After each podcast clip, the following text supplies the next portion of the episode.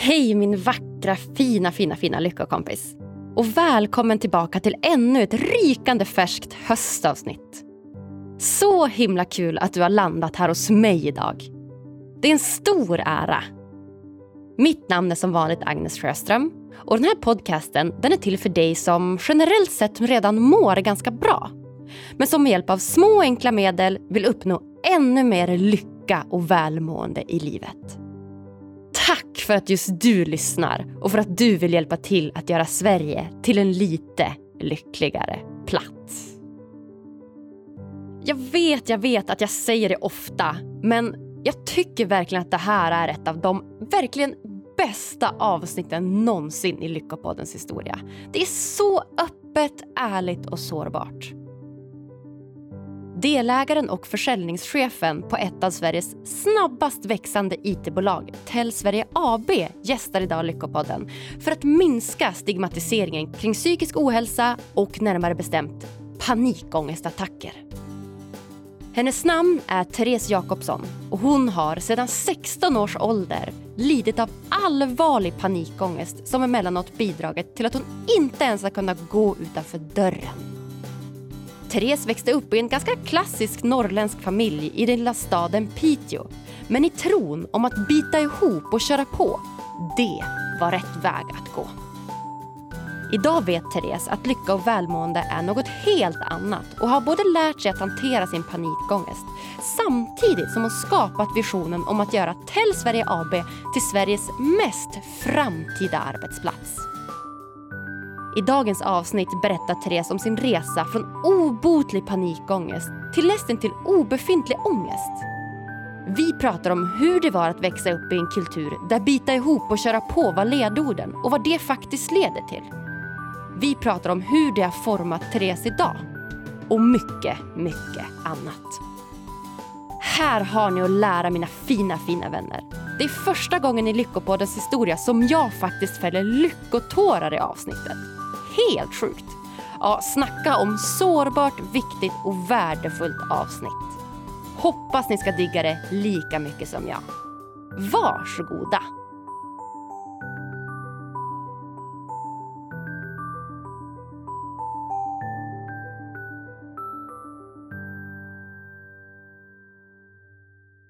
Alright, då är det min tur att säga hej och hjärtligt välkommen till Lyckopodden. Den högt uppsatta både försäljningschefen och delägaren till det växande IT-bolaget Tell Sverige AB, Therese Jakobsson.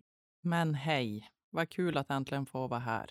Men rätt från Piteås urskogar. Varmt välkommen! Tack, jätte, jättetack. Ja, men så himla kul att du har tagit hit. Ja, det, det var ju med nöd och näppe. Ja. Men nu är jag här. Ja. Jo.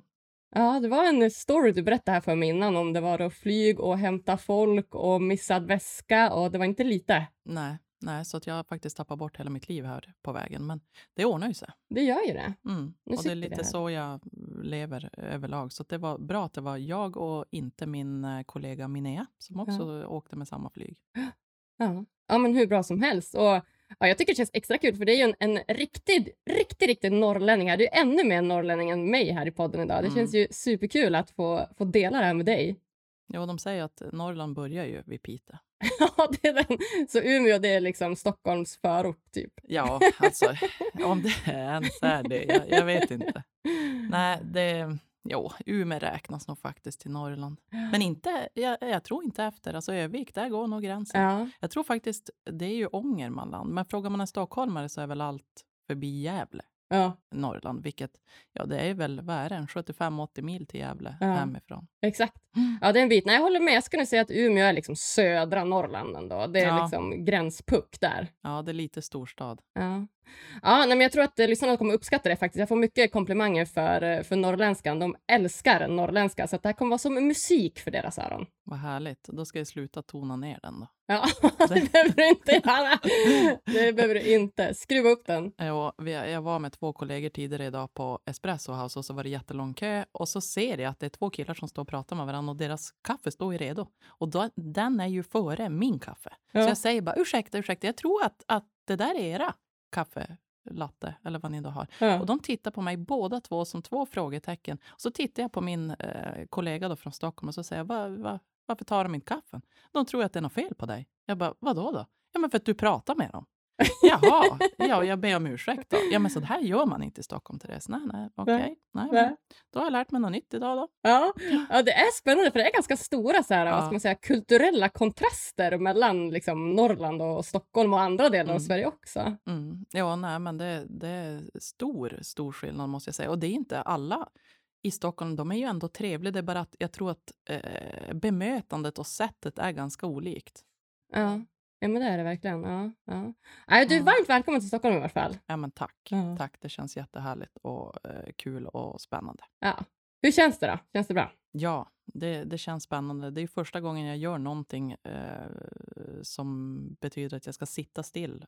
bara, bara egentligen. Ja. Eh, så det är väl en utmaning. Men, eh, nej, men jättekul och, och spännande. Och jag tänker att eh, det blir ju vad man gör det till. Man kan ju inte göra mer. Nej. nej, men helt sant. Helt sant. Så mm. kul. Ja. Jag tycker att du och jag har en så himla rolig bakgrund, du och jag. Liksom det mm. sättet vi träffades på. Så jag tänker att jag ska berätta lite från, från mitt perspektiv mm. hur det var för lyssnarna. Mm. Vi träffades ju egentligen första gången när jag jobbade som konsultchef på Professionals Nord i Umeå som är liksom ett rekryterings och bemanningsföretag. Mm. Jag blev ju tilldelad dig och ditt företag som du jobbar på, då, Tell Sverige AB, som kund och ni behövde hjälp med en rekrytering egentligen. Mm. Och, och, det var ju en utmaning kan jag säga redan från början. Men ja, ja. Eh, det, du får köra på så ska jag lägga in några grejer här ja. i din historia för det blir faktiskt ganska kul från mitt håll också. Ja, det mm. blir superkul. Mm. Jag är supernyfiken på din, liksom, ditt perspektiv också. Men exakt, det var, bara det var ju en, en utmaning, den här rekryteringen. Men Ja, men jag skulle säga att under den här liksom, resans gång så, och när vi träffade varandra liksom, så, så fick jag liksom en så himla bra bild av dig ändå. Alltså jag, jag fick verkligen ett, så här, en lugn och en, en trygghet. Och jag tror det måste vara den här liksom, raka, ärliga och ändå liksom, ja, men öppna och ödmjuka liksom, approachen som, som du har, som verkligen tilltalar mig. Jag vet inte om det är ett norrländskt fenomen eller vad det kan vara. Ja, Nej, det vet inte jag heller. Men, men, det är lätt att säga om andra, men om sig själv så blir det, jag vet inte. Ja.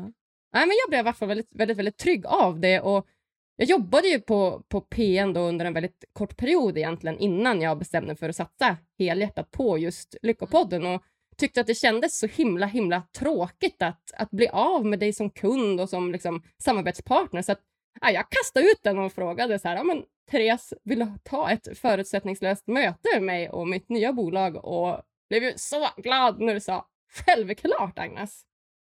Mm. Så det var liksom början på, på den här resan skulle jag vilja säga innan vi liksom tog vårt, vårt första möte. Mm. Jo, nej, jag, jag, tycker också att det var jätteroligt och eh, speciellt att du ringde och så vidare, för det var ganska självklart för mig och jag tror de brukar säga det att om man lyckas sälja till mig eller få mig att säga ja, jag är ganska snabb på att säga nej faktiskt, mm. då har man ändå gjort någonting eh, som är annorlunda eller speciellt eller man har stuckit ut eller sådär. Och det som jag menar med att det var en utmaning var att eh, det bolaget jag jobbar på och eh, äger eh, också tillsammans med mina delägarkollegor har ju funnits sedan 97 och alltid opererat och gjort på ett visst specifikt sätt. Så som det har varit har det alltid varit och så kommer det alltid att vara. Mm. Och det funkade ju bra. Men eh, bland annat så hade de testat några få gånger med rekryteringsfirmor, eh, alltså externt då, inte rekryterat att eh, närmast ledare rekrytera och så vidare. Och jag tycker själv att jag är ganska bra på rekrytering, så det där funkar ju. Men problemet är ju tid, egentligen. Och i Norrland så funkar det ju så att bra kar eller kvinna reder sig själv. Så är det bara. Och Eh, jag fick ju tjata och dividera och argumentera för att vi då skulle testa då eh, PN. Och då hade jag fått en ganska bra bild av, jag vet faktiskt inte vilken roll han har, eh, men jag hade träffat Magnus på PN då och fått en bra magkänsla. För allt jag gör baseras egentligen på magkänsla, hur sjukt den låter, men det kommer vi väl in på också. Ehm, och Eh, till slut, äntligen, så fick vi igenom det. Och då var jag lite skeptisk. Så kom Agnes, gled hon in på mötet där och så tänkte jag, ja, ja, nu kan hon säkert rekrytera. Men tar det här tid eller blir det här bra? Och då, hon vet ju mina värderingar eller våra värderingar eller våra visioner. Men det tog mig ungefär, de säger väl att genomsnittssvensken har bestämt sig om det är ett positivt intryck eller ett negativt intryck inom sju sekunder. Ja, går fort alltså. Mm. Men jag tror att efter två, tre sekunder så hade Agnes bara knäckt hela mig och äh. jag kände bara okej, okay, nej men vi gör som du säger. Och det där vart ju jättelyckat och superbra. Jag tyckte vi hade mm. jättebra dialog. Och så sen, jag har också alltid sett det här med självbild. En del har bra självbild och det här är min egen åsikt och en del har jättedålig självbild. Men jag tycker att jag själv har ganska bra självbild. Och en sak som historiskt jag har varit jätteduktig på är svåra utmanande samtal eller coachning eller så här, lite ifrågasättande med kärlek. Och då hade då Agnes presenterat eh, ett antal kandidater, men det fanns en då som stack ut. Och så tänkte jag, men det här blir superbra. Och det kändes bra för båda. Och så från ingenstans så bara, nej. Ja. Nej, för han ska jobba kvar eller göra något annat. Och jag kände bara, vad är det som händer Agnes? Och ja. då säger Agnes, ja men då tar vi ett möte allihop. Och då tänkte jag, jaha, ja ja, men det här kan ju jag, så det här löser ju sig.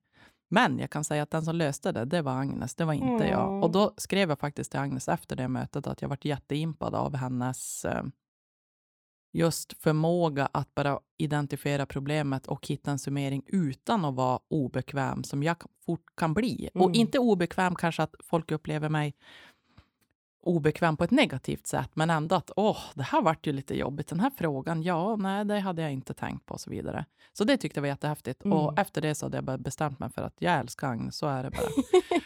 och så satt jag i bilen i Stockholm, faktiskt i Stockholm då också, men då körde jag bil. Och så ringer Agnes mig och är så stressad och ja, jag håller på med tusen saker samtidigt. Och då sa jag, men vet du Agnes, kan vi prata om det här när vi kommer hem? Men ja, jag vet inte vad vi ska göra, men vi ska göra någonting. Vi hörs, sig då. Eh, och sen pratar vi och jag tycker att vi har kommit fram till jättemånga bra saker. Jag tror att det är faktiskt väldigt små saker vi har kommit fram till hittills, som mm. vi kommer att göra på sikt. Så det känns jättehäftigt. Och det har jag egentligen, alla de sakerna som har lett till att jag sitter här idag, har ju baserats på magkänsla. Mm. Och jag tror att du också utan att vi ens hade pratat om det tidigare, äh. utgår och fattar dina beslut baserat på magkänsla. 100 procent, verkligen. Mm. Och det är det som jag också ville komma till här, att så här, ja, men dels att vi hade det här, den här rekryteringen tillsammans, mm. där vi ja, men hade en bra kandidat som, som ändå hade bestämt sig och sen från ingenstans så bara vände personen och bara nej. Och då var det som att båda vi bara, va? Vad händer nu? ja. Och sen att vi ändå fick till det, att här, mm. vi hade det här mötet tillsammans allihopa och, och pratade och vi kom mm. fram till något som blev bra för alla tre. Det var mm. verkligen något som stärkte alla tres relationer, tror jag. Mm. Mm. Och även det du är inne på, det här med magkänslan, att det var det som var så, så himla kul på vårt första mm. möte, tycker jag. För att ja, men, då när vi hade liksom vårt första möte så var det, vi diskuterade mycket, vi lärde känna varandra på nytt mm. lite grann. Liksom, mm. att, ja, men Du mm. berättade om dig själv, om Tell Sverige AB, jag berättade om mig själv, om Lyckopodden. Vi pratade om er version, om att bli liksom Sveriges mest framtida mm. arbetsplats. Vi pratade om min version, mm. om att verkligen sprida lycka och välmående till mm. befolkningen. Och utan att vi visste liksom hur vi skulle jobba, vad vi skulle göra, när vi skulle jobba, så så sa vi det att så här, nej men magkänslan säger ju ja. Vi, mm. vi kommer ju jobba ihop. Vi, vi vill jobba ihop. Det här, mm. det här kommer bli så himla bra. Bara för att magkänslan sa ja. Och det är ju någonting som, som jag verkligen har tagit med mig. Att så här, gud vad, vad magkänslan behöver få ta stor plats mm. i livet och i beslut. Ja. Och, och, jag tror att det är lite samma sak. Det här kommer nästan låta som att vi ska direkt åka ner i golvet här och, och lägga oss platt. Men, men jag tror att precis motsatt effekt. Om de här sju sekunderna går och magkänslan är inte bra, mm. då är mm. vi experter. Alltså, människor överlag, oavsett om du är kvinna, man, ung eller gammal. Känns det dåligt? Ja, men det beror ju på att jag har sovit dåligt idag. Eller den där har en dålig dag. Eller ja, det här avtalet kan vi ju skriva till. Eller ja, alltså det funkar ju så där, men det funkar ju. Så att jag tror att det är lika viktigt, alltså när man fattar ett beslut, oavsett vilket beslut, om det är privat eller arbetsmässigt eller vad det kan vara, att, att någonstans värdera det. Att, men hur känns det egentligen inuti? Känns det här bra eller känns det dåligt? Och känns det dåligt, mm. att då våga faktiskt klicka på knappen nej eller säga nej tack mm. eller vad det kan vara istället för att hitta på 500 ursäkter för sig själv. Verkligen, för då kommer ju liksom det logiska tänkandet ja. in. Att då så här, som du säger, man kan hitta på massa logiska ursäkter. Att säga, jag sovit dåligt, jag har inte ja. ätit nog, bla bla bla, vad det nu kan vara. Men att faktiskt våga, som du säger, att lyssna på magkänslan. Säger det nej, ja, men då mm. är det faktiskt nej. Mm. Och Jag brukar också tänka med andra människor, för att lycka är ju olika för alla. Det kan ju vara en, eh, en känsla eller em, en doft kan göra en lycklig eller vad det kan Mm, vara. mm. Eh, Man kan bli lycklig av att ha mycket pengar, man kan vara lycklig av att vara frisk. Man kan, ja, det finns ju 200 miljarder saker. Men, men just den där saken att man faktiskt vågar lita på sig själv och sin egen magkänsla. Mm. Den tror jag, det är det som någonstans... Ja, nu är jag ingen professor i det, men, men jag tror ändå att, att det är det som gör vars man hamnar i livet i slutändan. Mm, verkligen, jag tror också det. Mm. Alltså folk som har förmågan och vågar lita på sin magkänsla och som har lärt sig det tidigt och som inte har blivit berövad på den på något sätt. De, Mm. de, de går nog mer mot det de faktiskt vill än det Mm. de tror att de Mm, vill. Ja. mm. Eller vad andra vill att de ska vilja. Exakt, väldigt vanligt att gå på Mm, vad andra mm, tycker och inte lyssna mm. på sig själv. Ja, verkligen. Mm. Men jag måste ändå säga att det var inte förrän på vårt andra möte som det verkligen sa liksom klick, klick för mig. Mm. För att det som hände då, det var att det var sånt klassiskt bevis på hur sårbarhet och öppenhet på något sätt verkligen fördjupar relationen. Mm. För att på vårt andra möte, då började vi prata mer om så här, okej, men vad ska vi göra då? Mm. Vi vet att vi Mm. ska jobba ihop, men vad ska vi Mm. göra? Och då kom vi in på så här, började spåna vad vi vill göra Mm. ihop och vi skulle kunna tänka sitta på. Och det var ju då först som du öppnade dig och berättade om Mm. ditt liv och den, den panikångest som du har levt med under stora delar av ditt liv som vi kommer komma in på lite mer närmare framöver också. Och det var då som, som jag kände att bara så här, klick. Nu vet jag. Det är klart att jag ska jobba med Therese. Mm. Just för att Ja, men just för den här öppenheten och sårbarheten som, som följde liksom, när du faktiskt berättade om en, en sårbar del i ditt liv. Och det tycker jag var så himla, himla fint. Mm. Och det är kul att du säger det, eller kul och kul, det är ju inte kul egentligen, men, men det är ändå positivt. För. Men eh, det där är ju också en grej som jag tror att många människor glömmer bort, och jag själv gör det. Mm. För att det här med första intrycket och vad man har för förutfattad mening, eller ibland behöver det inte ens vara förutfattad, utan jag tycker att du är på ett visst sätt och jag har bestämt mig att det är så. Mm. Och jag tror att ehm, om man skulle gå eh, på, eh, ja vad heter det, nu har jag då blivit senil mitt i allt det här också, men gågatan, vi har ju en stor gågata i Piteå. Ja. Och skulle man stanna någon och fråga sig, Therese Jakobsson, för att de flesta känner ju eh, de flesta där, så är det ju att jag upplevs ju som väldigt, eh, jag är väldigt så här krass, jag har jättemycket skinn på näsan och eh, ja eller nej, eller svart eller vitt. Mm. Och, ja, jag har ju inga problem, jag har ju bara glidit på ett bananskal hela livet och så vidare. Mm. Och, och det är kanske det... Ja, jag vet inte riktigt hur jag ska säga, men, men jag tänker med din bild på första mötet, då tänker du att hon var ju väldigt fyrkantig och svart och vit. Och på andra så bara, jaha, var det på det viset? För det är ju ingenting jag säger. Jag har ju aldrig pratat om det här. Ja, absolut inte här, men, men det är inte så att jag säger det till, till vem som helst. För jag har ju tyckt att det, det gör ju mig svag. Mm. Och det är ju någonting som eh, andra människor kan hålla emot mig. Precis. Ehm, men samtidigt, det är ju sjukt det där, för det där är ju bara kopplat till mig själv. För skulle du, Agnes, berätta någonting, skulle jag ju aldrig, ett, hålla dig emot det. Jag skulle aldrig tycka att du var svag. Jag skulle tycka, men gud Agnes, vad grym du är som bara säger det. Modigt. Ja, liksom. jävlar vad bra. Mm. Men, men eh, ja, jag vet inte, det där måste ju vara någon riktig tankevurpa. För från den dagen jag bestämde mig, och det var ju inte då, utan det var ju tidigare, men, men eh, att jag bestämde mig att jag dels skulle acceptera det själv, att så är det, punkt. Inte att jag är svag, utan det här är mina förutsättningar, det är så här det funkar, jag får utgå från det. Så vart det ju något helt annat, för det är ingen någonsin som skulle kunna hålla det emot mig. Och även om det finns, för det finns ju människor till allt brukar jag säga. Jag har faktiskt ett annat talesätt, men jag tror att det inte passande här. Men vi kanske kommer till det ändå, eh, kände jag nu. Men eh, någonstans så är det att även om någon håller det emot mig, så tycker inte jag att det är en nackdel. Ja, men gör det då. Ja, Alltså det får ju stå för dig. Det kommer att säga mer om dig än om mig. verkligen. Punkt. Så att- Verkligen. Det var nog en jätte... Ja, men en... en eh, ja, då vaknade jag till liv och tog tag i mig själv och mina Mm. egna eh, tankar, för det var ju uppenbarligen fel. Mm. Och fel kan ju alla ha. Ja.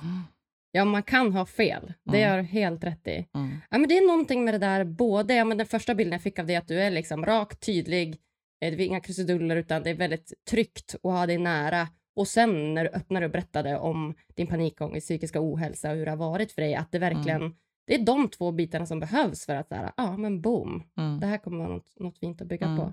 Mm. Ja, verkligen. Ja. Ja, men jag tänker att vi ska dyka in lite mer i, i just det, Mm. psykisk ohälsa och just panikångest. Det är ju verkligen minst sagt ett relevant ämne. Mm. Det är ju inte bara du som lider av det här i Sverige, utan jag har känt av det vid flertalet tillfällen och jag vet att många av lyssnarna har känt av det vid flertalet tillfällen. Kan du inte berätta liksom från, från första början, när, när, när förstod du att så här, men shit, jag har ju panikångest? Jag tror att jag behövde hjälp att förstå det, men, Mm. men om vi inte nu ska spela in det här i 18 timmar, så ska jag faktiskt komprimera ihop det här lite grann. För att jag tror att eh, då kan man också få en bild och kanske relatera eller inte relatera och så vidare. Men i alla fall så var det så att eh, jag har växt upp med två föräldrar, två syskon. Eh, vi bodde i ett fint område och det var jag har växt upp med, med föräldrar med eh, egna företag och så vidare. Så att utåt sett var ju allt tipptopp och jag har eh, levererat i skolan och så vidare. Och när jag var 16 år så kände jag eh, att jag kunde inte gå ut genom dörren. Mhm. Och jag förstod som inte riktigt varför jag inte kunde göra det och varför det var så jobbigt. Om jag skulle vara sjuk eller vad det var. Och så är jag ju tjurig. Alltså jag är så tjurig. Alltså det, jag känner ingen tjurigare än mig. Jag, jag nöter ju ner mig själv och oavsett, har jag bestämt mig för en sak, då ska det ske. Om jag så ska kliva över berget, runt berget, jag ska eh, slå ner hela berget, måla om berget, eller, ja, jag bryr mig inte. Men har jag sagt att jag ska göra en sak eller bestämt mig, då ska jag det. Så att det här var ju, det var ju som att slåss mot sig själv på något sjukt sätt. Men var det liksom att du bara inte kunde gå ut? Alltså du kunde bara inte gå utanför dörren? vi hade ett suteränghus, så att mitt rum, eh, när man gick in, eh, så var mitt rum till höger direkt. Eh, och så hade vi kök, vardagsrum där uppe och så var det andra sovrum. Så det var ju väldigt nära eh, dörren. Och när jag gick ut i hallen så kände jag bara att jag, jag vill inte gå ut. Det var som att, jag, jag, nej, det, det går inte att förklara. Jag, jag bara skulle inte det. Precis på samma sätt som jag har bestämt mig när jag ska göra något, så skulle jag inte gå ut. Det bara, jag kände i hela kroppen, nej. Så jag gick tillbaka och satt mig på sängen och så tänkte jag så här, men vad är det som pågår? Och jag känner ingen med psykisk ohälsa då. Då ska vi komma ihåg, jag fyller ju 34 nu och jag var 16 då. Så att, jag, vem skulle jag fråga och vad skulle jag säga, vad skulle jag göra? Och mina föräldrar är superbra, men de kanske inte är... De är, de är av den gamla skolan. Har man Mm. ont i huvudet då kan man ta en Alvedon, men sen biter man ihop och kör på. Så är det. Den klassiska. Så funkar det i Norrland. Så funkar det i Norrland. Känner igen det där också. Ja, Mm. Då säger man bara, hörru, bra kvinna reder sig själv, så att nu är det bara att ställa dig upp och göra det du ska göra. Exakt. Ja. Man gråter inte, man klagar inte, man kör. Nej, nej, det Nej. gör man inte. Absolut inte. Nej, I alla fulla fall så tänkte jag att vad ska jag göra åt det här då? Jag får ju bara tvinga mig själv. Det är bara att tjura ihop sig, ställa sig upp och gå ut. Och så öppnar jag ytterdörren, vi hade en sån här dubbel pardörr. Så jag öppnar den, ställer mig där och så känner jag bara, ja, jag kan inte göra det här. Ja, men skärp dig nu. Skärp dig nu, Therese. Och jag tänker, jag har ju blivit knäpp. Alltså det är ju något som har riktigt slagit slint. Så att jag går för första trappsteget. Vi har så här stenlagd eh, trappa upp ut på gatan. Eh, tar första trappsteget och så spyr jag där. Och så tänker jag så här, nej men jag har ju fått magsjuka. Det är ju det det är. Just det. Ja, så jag måste ju gå in och lägga mig igen. Mm. Det här var alldeles för jobbigt. Mm. Så att jag gör det, inte mer med det. Allt känns ju bra, jag har ju gått in igen. Livet leker. Jag har ingen magsjuka, men jag tänker att jag har nog magsjuka ändå. Så att jag säger till, till min mamma där att nej, jag har magsjuka, kan inte gå ut. Ja. Det går en dag, det går två dagar, det går tre dagar. Och så ehm, tre kompisar som jag känner ringer och säger att vi ska åka upp till Haparanda. För de är ju då 18 och har körkort. Eh, för där finns det ju Alko. Ah, Ja, det är en stor attraktion där. såklart. Jajamän, tar nästan det. två timmar dit. Ja. Och jag tänker att ja, men, nej, men det kan vi väl göra. Det blir toppen. Och eh, den här ena kompisen har då en Merca Coupé, så det är bara två framsäten och det hör till historien. Och eh, jag sätter mig bak och han här från baksätet och så sitter min bästa kompis till höger och så kommer vi till Kalix och för de som inte vet så är det kanske en timme till Kalix med bil. Så känner jag att jag kan inte sitta i den här bilen mer. Ja, jag vill inte vara här mer. Och samtidigt vill jag ju inte säga det för det känns ju jättekonstigt. Och samtidigt så känner jag Uh, alltså jag, jag vet inte vad jag ska göra. Man biter ihop, kommer ju här bak. Skärp dig nu, Therese. Um, så att jag, jag biter ihop. Och till slut säger jag att du, du måste stanna, jag måste spy. Jaha, så att han stannar ju på en p-ficka där då. Och jag känner i hela kroppen hur det sticker i händerna, i armarna och jag tänker bara, vad är det som pågår? Så då säger jag att alltså, jag mår inget bra. jag måste åka hem. Alltså, du, du måste skjutsa hem mig. Nej, men det kan vi inte göra. Alltså, du vet, vi har bara en timme kvar till Alko. Alltså herregud. Och jag då, 16 år, står där och tänker att ja, men har jag bara magsjuka, ja, då får jag väl stanna på varenda p-ficka och spy. För det är ju inte som i Stockholm när man kör bil. Det finns ju utan människa. Det finns, en, ja, det finns en p-ficka, så det är bara att stå där. Då. Och så efter en stund så inser jag att det är som att jag kan nästan inte andas. Och så jag sitter ju där bak, det finns ingen dörr, man kan inte öppna fönstret eller något. Och jag sitter där i min egen hjärna och tänker, men skärp dig Therese, skärp dig Therese. Så att vi åker ju på Alko. Jag går inte in på Alko, utan jag sitter bara där. Det sticker i hela händerna. Det känns som att jag har 200 i puls. Jag tänker att, att jag måste ju ha fått vinterkräksjuka eller någonting. Det här är inte bra. Det. Det var fruktansvärd resa och dag och allting. Och att så här i efterhand när jag inser att den där panikångestattacken gick ju aldrig ner utan jag körde ju bara på med den. Mm. Så tänker jag att åh, jag vill bara säga till pappa när jag kommer hem att jag har ju magsjuka igen. Det är Mm. jättekonstigt. Men jag vill bara lägga mig i min säng. Så när de släpper av mig, jag kliver ut, ska gå in. I samma sekund som jag öppnar ytterdörren så är det som att eh, jag mår inte illa något mer. Och då tänker jag så här, men gud vad konstigt. Och då blir jag nästan lite rädd för mig själv. Ja. Och då var det inte så att man googlade. Och jag ville heller inte fråga någon för att det är något fel på mig. För att här i min familj mår ju alla bra, alla jag känner. Ja, alltså vadå? Jag fattar ingenting. Mm. Så när jag kommer in och hade sett fram emot så mycket och säger till pappa att jag mår inget bra, så mådde jag ju bra. Så jag förstod ju ingenting. Så att ja, jag gick på mitt rum och, och tänkte att jaha, ja, ja. Men då var det som att jag hade blivit lite rädd. Och det är ju så, eh, olika stadier. Jag är absolut ingen expert, men jag har ju ändå gått till några psykologer och hållit på med det här i 17-18 år nu. Det är ju att eh, jag har ju säkert haft ångest innan det här, som jag då har utvecklat till panikångest och sen som någonstans blir en form av agorafobi, det här att man tycker när det är mycket folk eller man kan inte ta sig ut eller som jag åkte i den här bilen, jag kan inte åka hem när jag vill och så vidare. Så dag nummer två då, så ska jag ju då gå till skolan. Jag gick på gymnasiet och det kanske är en och en halv kilometer från där vi bodde. Så känner jag att jag kan inte gå ut. Det, det bara går inte. Och då eh, frågar pappa då att, ja men ska du inte gå till skolan eller vad håller du på med? Typ så här.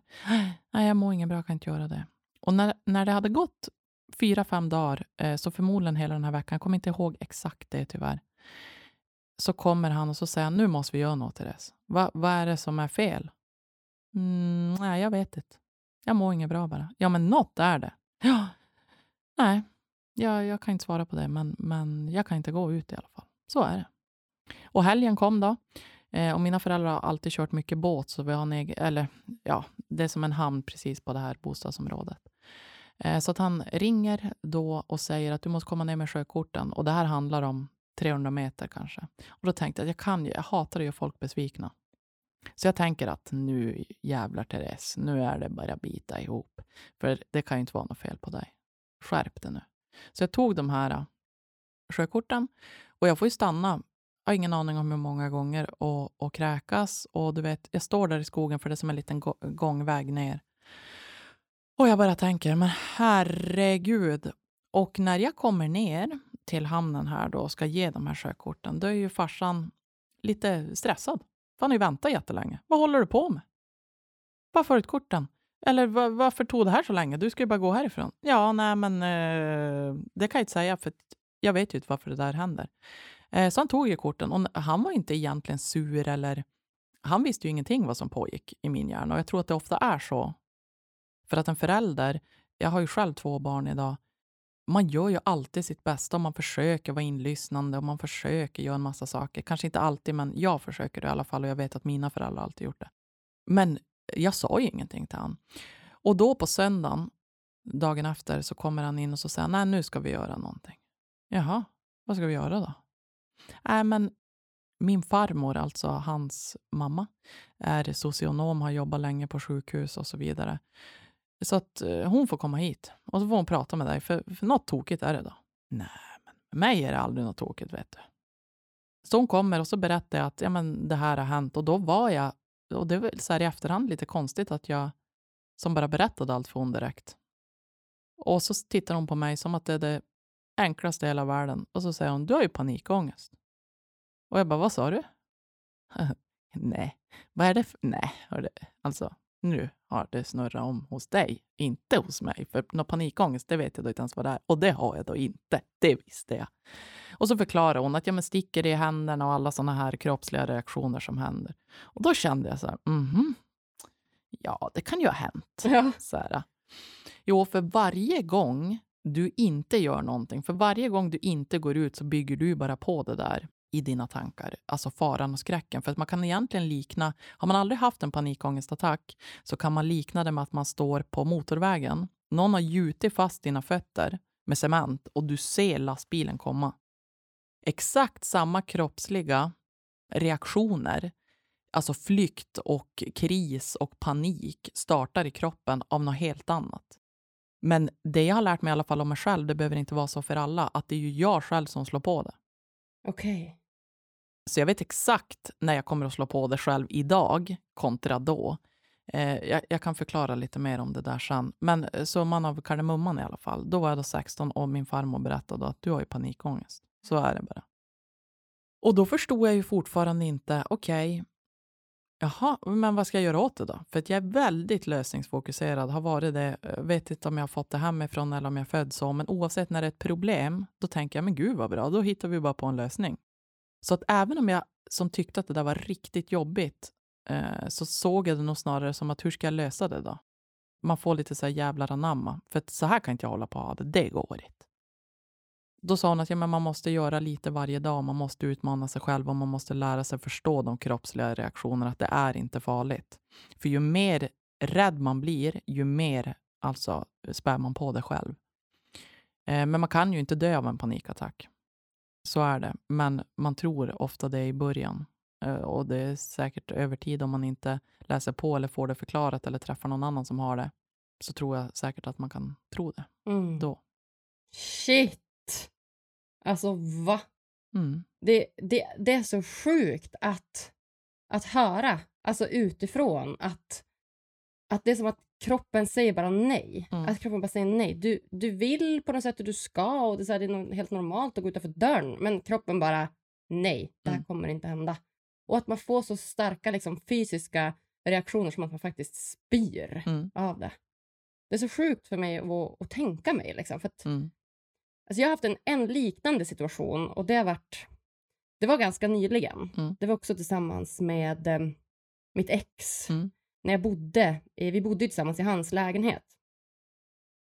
Och då kommer jag ihåg att det var kväll och eh, vi var tillsammans och det var liksom ganska bra mellan oss och han skulle eh, åka och spela basket bara. Och jag mm. blev kvar hemma. Och jag tänkte bara gå och lägga mig tror jag. Han var uppe ganska sent på kvällarna och jag gick och la mig ganska tidigt. Eh, så jag skulle bara gå och lägga mig. Men jag kommer ihåg hur hur han åkte därifrån och skulle spela basket och jag bara började gråta. Alltså, jag bara började tokgråta. Och jag förstod egentligen inte, inte varför. Och hela min, hela, alltså jag, jag ville därifrån, men jag kunde inte. Min kropp tog mig inte därifrån. Och jag kände att jag måste göra någonting. Jag förstår inte, alltså den här reaktionen som händer, jag förstår inte vad som händer. Så jag ringde ju dit min pappa och mina brorsor och fick prata med dem och så här, vad, vad, ska jag göra? Och det var då jag förstod att så här, shit, jag, jag måste flytta härifrån. Jag måste ta mig härifrån. Och, och men det gick, det gick ändå inte för mig att bara direkt flytta, att så här, packa väskan och dra därifrån. För hela min kropp sa nej, du måste vara kvar här. Så det jag fick göra då det var att jag hade en Stockholmsresa inplanerad, kommer jag ihåg. Jag skulle ner från Umeå till Stockholm och spela in något poddavsnitt tror jag. Och när jag kom tillbaka från den här Stockholmsresan, då tog jag liksom den resväskan jag hade packat till min brorsa istället och bodde där, kommer jag ihåg. För då var det mer naturligt att, att byta miljö. Men jag kommer ihåg hur, alltså hur liksom, kroppen bara bestämmer. Alltså den bara bestämde att så här, du, du kommer inte ta dig härifrån just nu. Men du kan göra på det här sättet för att ta dig därifrån. Så jag känner igen den här reaktionen och hur förvirrad och rädd man blir av att så här, shit, det är inte jag som bestämmer fast ändå jag som bestämmer. Alltså det är så underligt. Jo, och jag tror precis som du säger att, att det är alltså, jättemånga människor som kan relatera till det du säger nu, som bara har hänt bara och bara, men det räcker med en gång. Mm. Men, men eh, som har eh, känt det där, men som inte pratar om det. Mm. Men en sak, eh, jag tycker att hon förklarade så fantastiskt bra. Hon är 78 år idag och riktig rivtant. Alltså ibland så får jag bara säga att nu sätter du dig ner och är tyst. För du vet. Vem är det alltså, då? Ja, min farmor alltså. Ja. Hon, hon, är, ja, hon är magisk. Men i alla Mm. fall, eh, hon förklarade eh, det när jag tyckte att det var ganska jobbigt att förstå att men varför ska jag ha panikångest eller varför ska jag få sådana där känslor? Eller, jag, jag förstår inte varför det har blivit så här.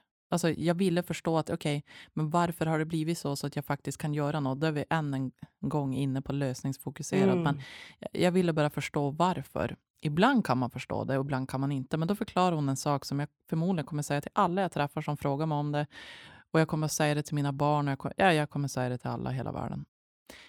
Det är att alla människor har ju en ryggsäck, så att alla har en egen vaktmästare kan man säga, som Mm. sköter kroppen. Alltså oavsett om det är psykiskt eller fysiskt. Att nu är jag hungrig, hallå, nu måste jag äta. Eller nu är jag Mm. ledsen, ja men då måste jag gråta för jag måste Mm. ut med det. Eller vad det kan vara. Och den här ryggsäcken då som alla har, eh, om man ser den framför sig och varje gång jag blir besviken, jag blir ledsen, jag blir arg, eh, jag känner att jag inte blir respekterad. Det, det kan vara, för olika människor går igång på olika saker. Eller går igång, helt fel ordval, men alltså blir ju stött av olika saker.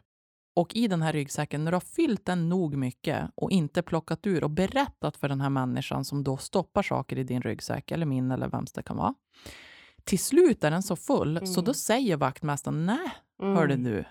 Alltså, mycket kan man göra på vilja. Jag tror att man kommer enormt långt på vilja i livet Mm. överlag, vad man vill göra, både positivt och negativt.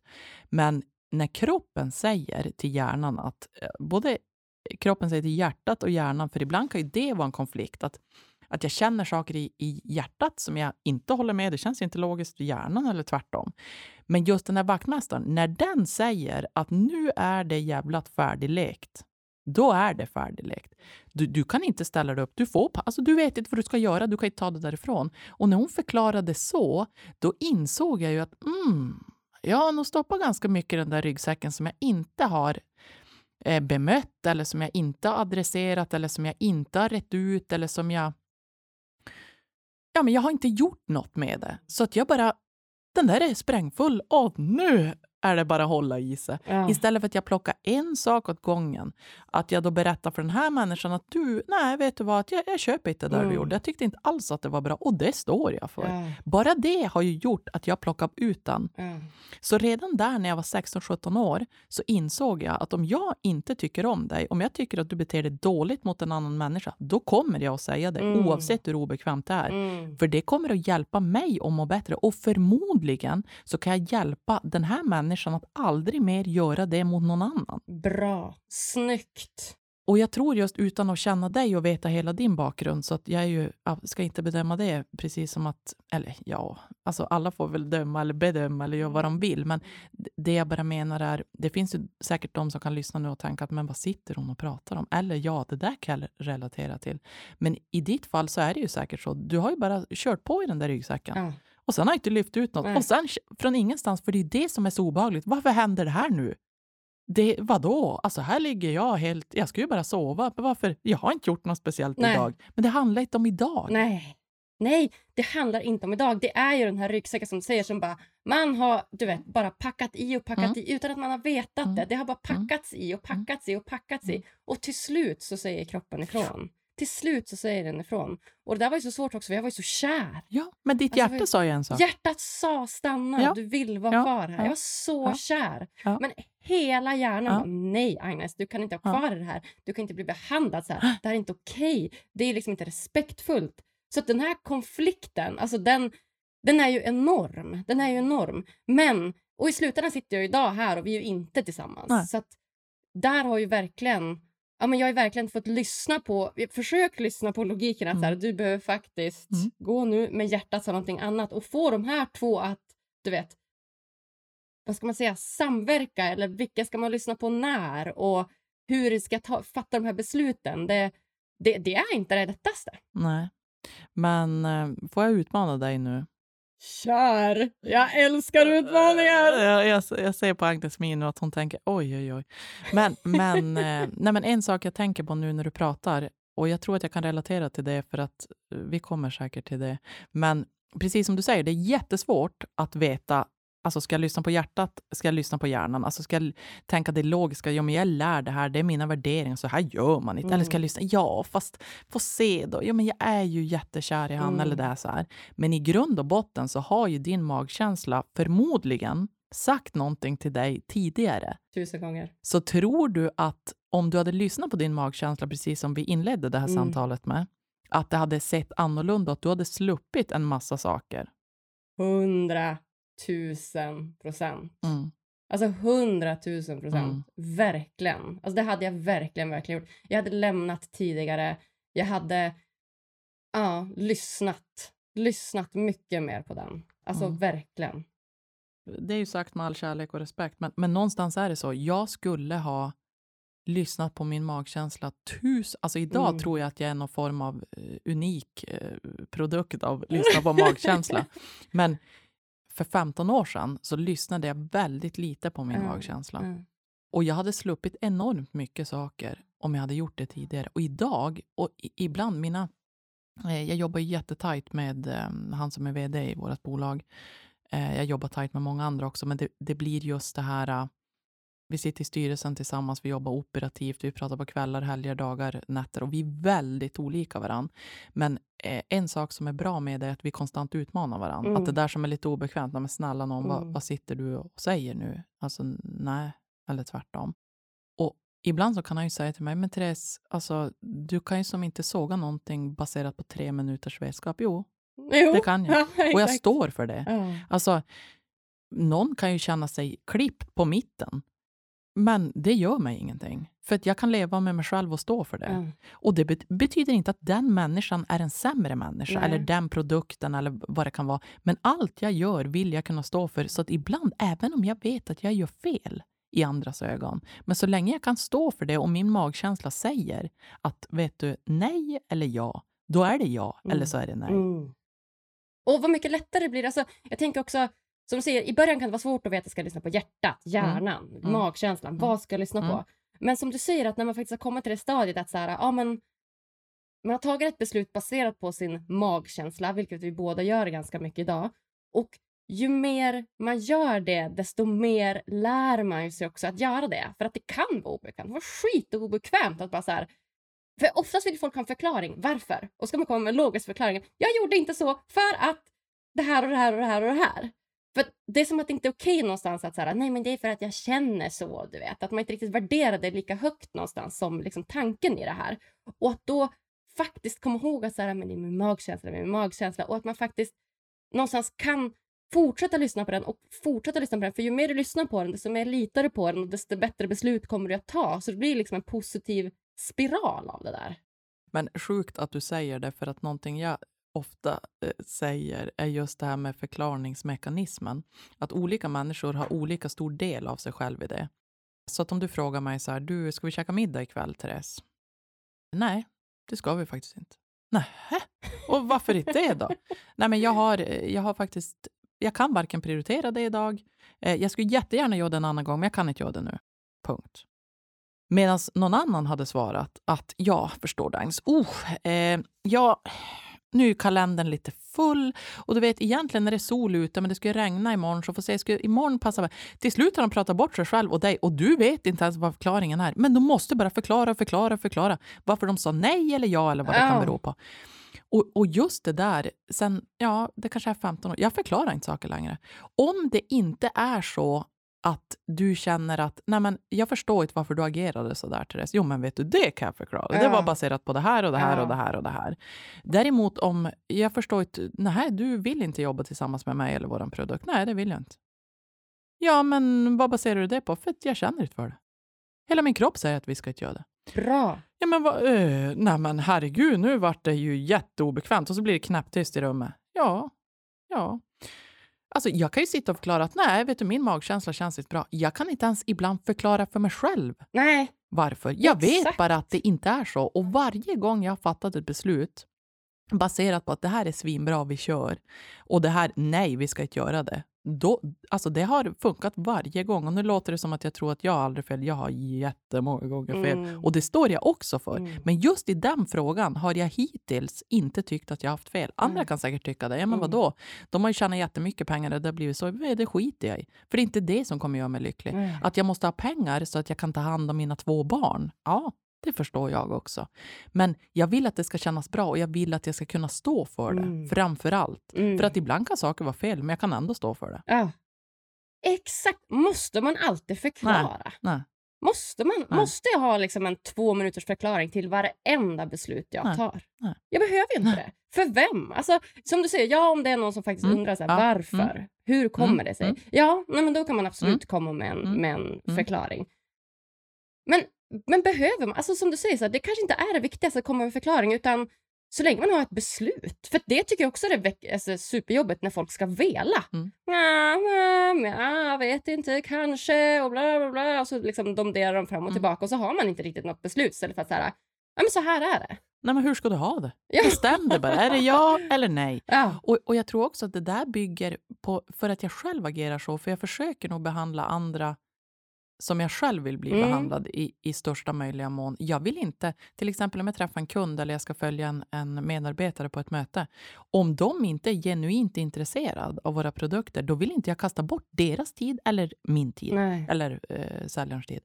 Då, utan då vill jag att de säger, vet du, det här är inte ett dugg intressant och vi Mm. planerar inte att ta beslut eller implementera Mm. den här lösningen förrän nästa år. Ja, men tack! Ja. Jättebra! Ja. Än att någon säger, jaha, nej men då får vi fundera på det här och så hörs vi. Ja, det är ju jättefint, men du vet, vi planerar ju också vår tid. Så hur Exakt. tänker du? Alltså hur prioriterat är det här för dig? Exakt. Men, men just det där med förklaringar, att jag tror att det är det som föder velande. Eh, Mm. Och jag tror också att, att inte ibland förklara är också det som sänder ut trygghet. Mm. För att när jag sagt ja Agnes, vi kör, då vet du att vi Exakt. kör. Punkt. Jag behöver inte eh, köra på något utlägg om det. Eller på samma sätt om jag säger nej, det gör vi inte. Nej, då släpper vi det. Man Ja. behöver inte fundera så mycket och kasta bort sin tid och energi. För någonstans, mer pengar kan man alltid tjäna eller man kan köpa den där nya väskan eller skotern eller bilen. Nu är det inte så mycket skotrar i Stockholm. Skoter. Folk vet inte vad skoter är här. Snöskoter. Snöskoter. Nej, men det är samma sak eh, när man pratar med någon i Stockholm. Eller, alltså, menar du vattenskoter eller snöskoter? Mm, Nej, alltså en skoter, det är en skoter. Det är, ingen moped, ingen vattenskoter. Nej. Det är en snöskoter. En vattenskoter däremot, ja, det är en vattenskoter. Exakt. Nej, vi ska inte spåra ur, för det är också en hel... Nej. eh, Ja, Ja, gud nej. skit i det. Mm. Eh, nej, men eh, jag tror överlag att eh, om man litar på magkänslan, då kanske man också, speciellt om man har personalansvar. Jag, jag tror oavsett om man är, till exempel jag är ju äldst av tre syskon. Jag har två barn som jag vill lära Eh, bra saker i livet och bra värderingar så att de kan möta andra på ett bra sätt. Jag har en jättefantastisk sambo som jag också försöker inte lära det där. Han ska kunna. Ska. Eh, nej, nej, nej. Nej. Nej, men alltså någonstans att, att det här behöver jag för att må bra. Vad behöver du för att må bra? Ja. För att om inte jag lever som jag lär, Ja. i min ledarroll till exempel, Mm. om jag inte säger så här, men du kan du istället berätta vad jag gjorde dåligt? Mm. Vadå dåligt? Du, nej, men oj, oj. Nej, men jag vill ha utvecklande feedback. Vad hade jag kunnat göra bättre? Mm. För att om jag lever som jag lär alla runt omkring mig, Mm. som jag har valt att ha runt omkring mig, oavsett om det är min sambo, mina barn har jag, väljer jag ju varje dag, så det är inte det jag menar.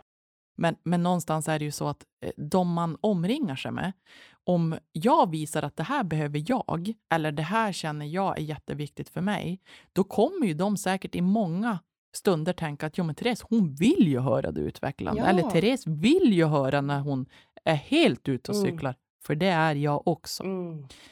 Hon uppskattar ju det, vilket gör att då får man ett mer öppet klimat, en öppen, ärlig Mm. dialog. För att det värsta jag vet, och jag har faktiskt slutat med det nu och det är kanske tragiskt, men om jag går från ett rum och jag känner att oh, det här vart ju, det är folk som tycker, jag tycker inte att det är obekvämt, men jag känner att åh, oh, det här vart, och så säger jag på slutet, är, vilka frågor har ni? Alltså är det något som känns oklart eller någon som skulle vilja ta upp något högt som lågt, oavsett vilket forum det är, det kan till och med vara privat. Ibland brukar de säga åt mig så här, men, eh, mina vänner, eller, men Therese, nej, vi har inte möte nu. Nej, men jag vill bara veta så att jag kan släppa det sen.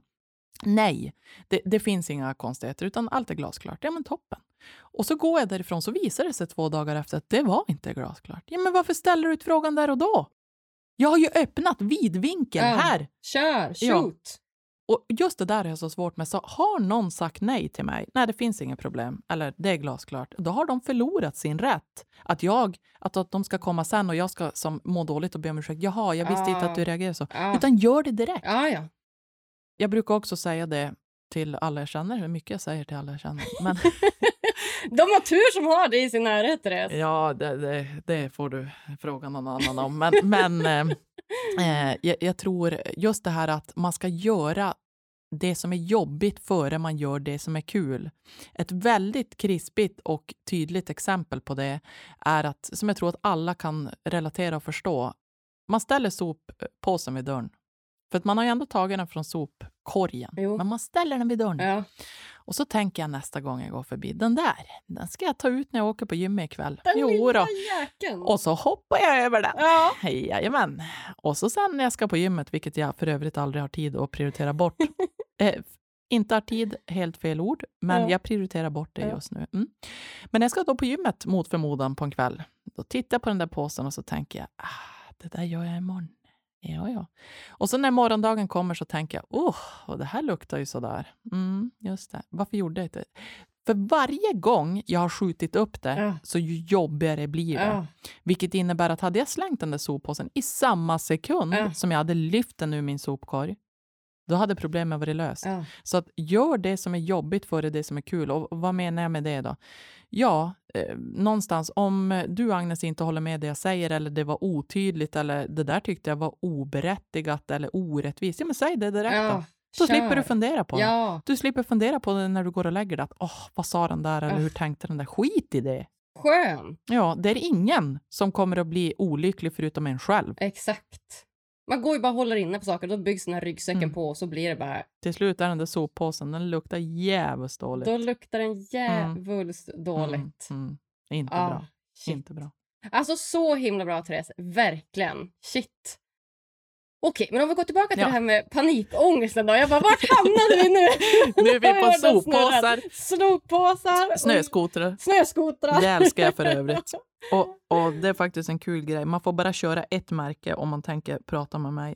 Kör man något annat märke då, då är det inte intressant. Vad är det för märke man ska köra? Polaris. Polaris. Och vad finns det mer? Yamaha? Hörde du, det finns jättemycket. Det finns Yamaha, det finns Skido, det finns Lynx. Men det är skillnad på grejer och grejer. Det är skillnad på grejer. Ja. Vi ska åka så mycket snöskoter Ja, ja. i vinter. Det är inga problem. Polaris. Ja. Absolut. Upp till Piteå. Ja, vi kan på. åka i Åre, vi kan åka vart Ja. du vill. Ja, Piteå blir skitbra. Ja, ja, ja nej, men då kör vi. Ja, Mm. underbart. Mm. Okej, Mm. vi hoppar tillbaka till panikångesten här. Ja. Så man börjar på från första början. Ja, det var ju den, just det. Det var ju den, den. den detaljen. Den lilla, lilla detaljen. Jo, Nej, jo. men verkligen. Alltså, det har varit så, du har sagt så mycket bra saker, så mycket bra tips här. Och som säger, du var 16. Då togs det uttryck första gången. För mig, jag var mycket, mycket äldre. När jag hade byggt på den här ryggsäcken togs det uttryck första gången. Hur jobbar du idag för att inte låta liksom, den här panikångesten faktiskt ta över? Alltså hur gör du idag för att kunna ta dig utanför dörren? Hur gör du idag för att faktiskt kunna utmana den här panikångesten dagligen för att kunna leva liksom ett fungerande liv och faktiskt kanske till och med kunna vara lycklig? Jättebra stor fråga. Och det här kommer låta helt sjukt, men det är faktiskt sant. För att jag accepterar att jag har det. Du har accepterat att du har det. Och jag har trott under många år att jag har accepterat det. Mm. Men det har inte jag.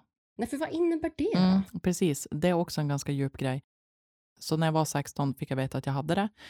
Sen lyckades jag och farmor, och det var jag jättetacksam att, att farsan direkt skickade dit hon och att hon är tjurig. Nå jävulst, för att jag tror att jag är en väldig utmaning. Alltså farmor, jag måste bara säga vilken fantastisk farmor. Alltså farmor, vad- hon, är, hon är magisk.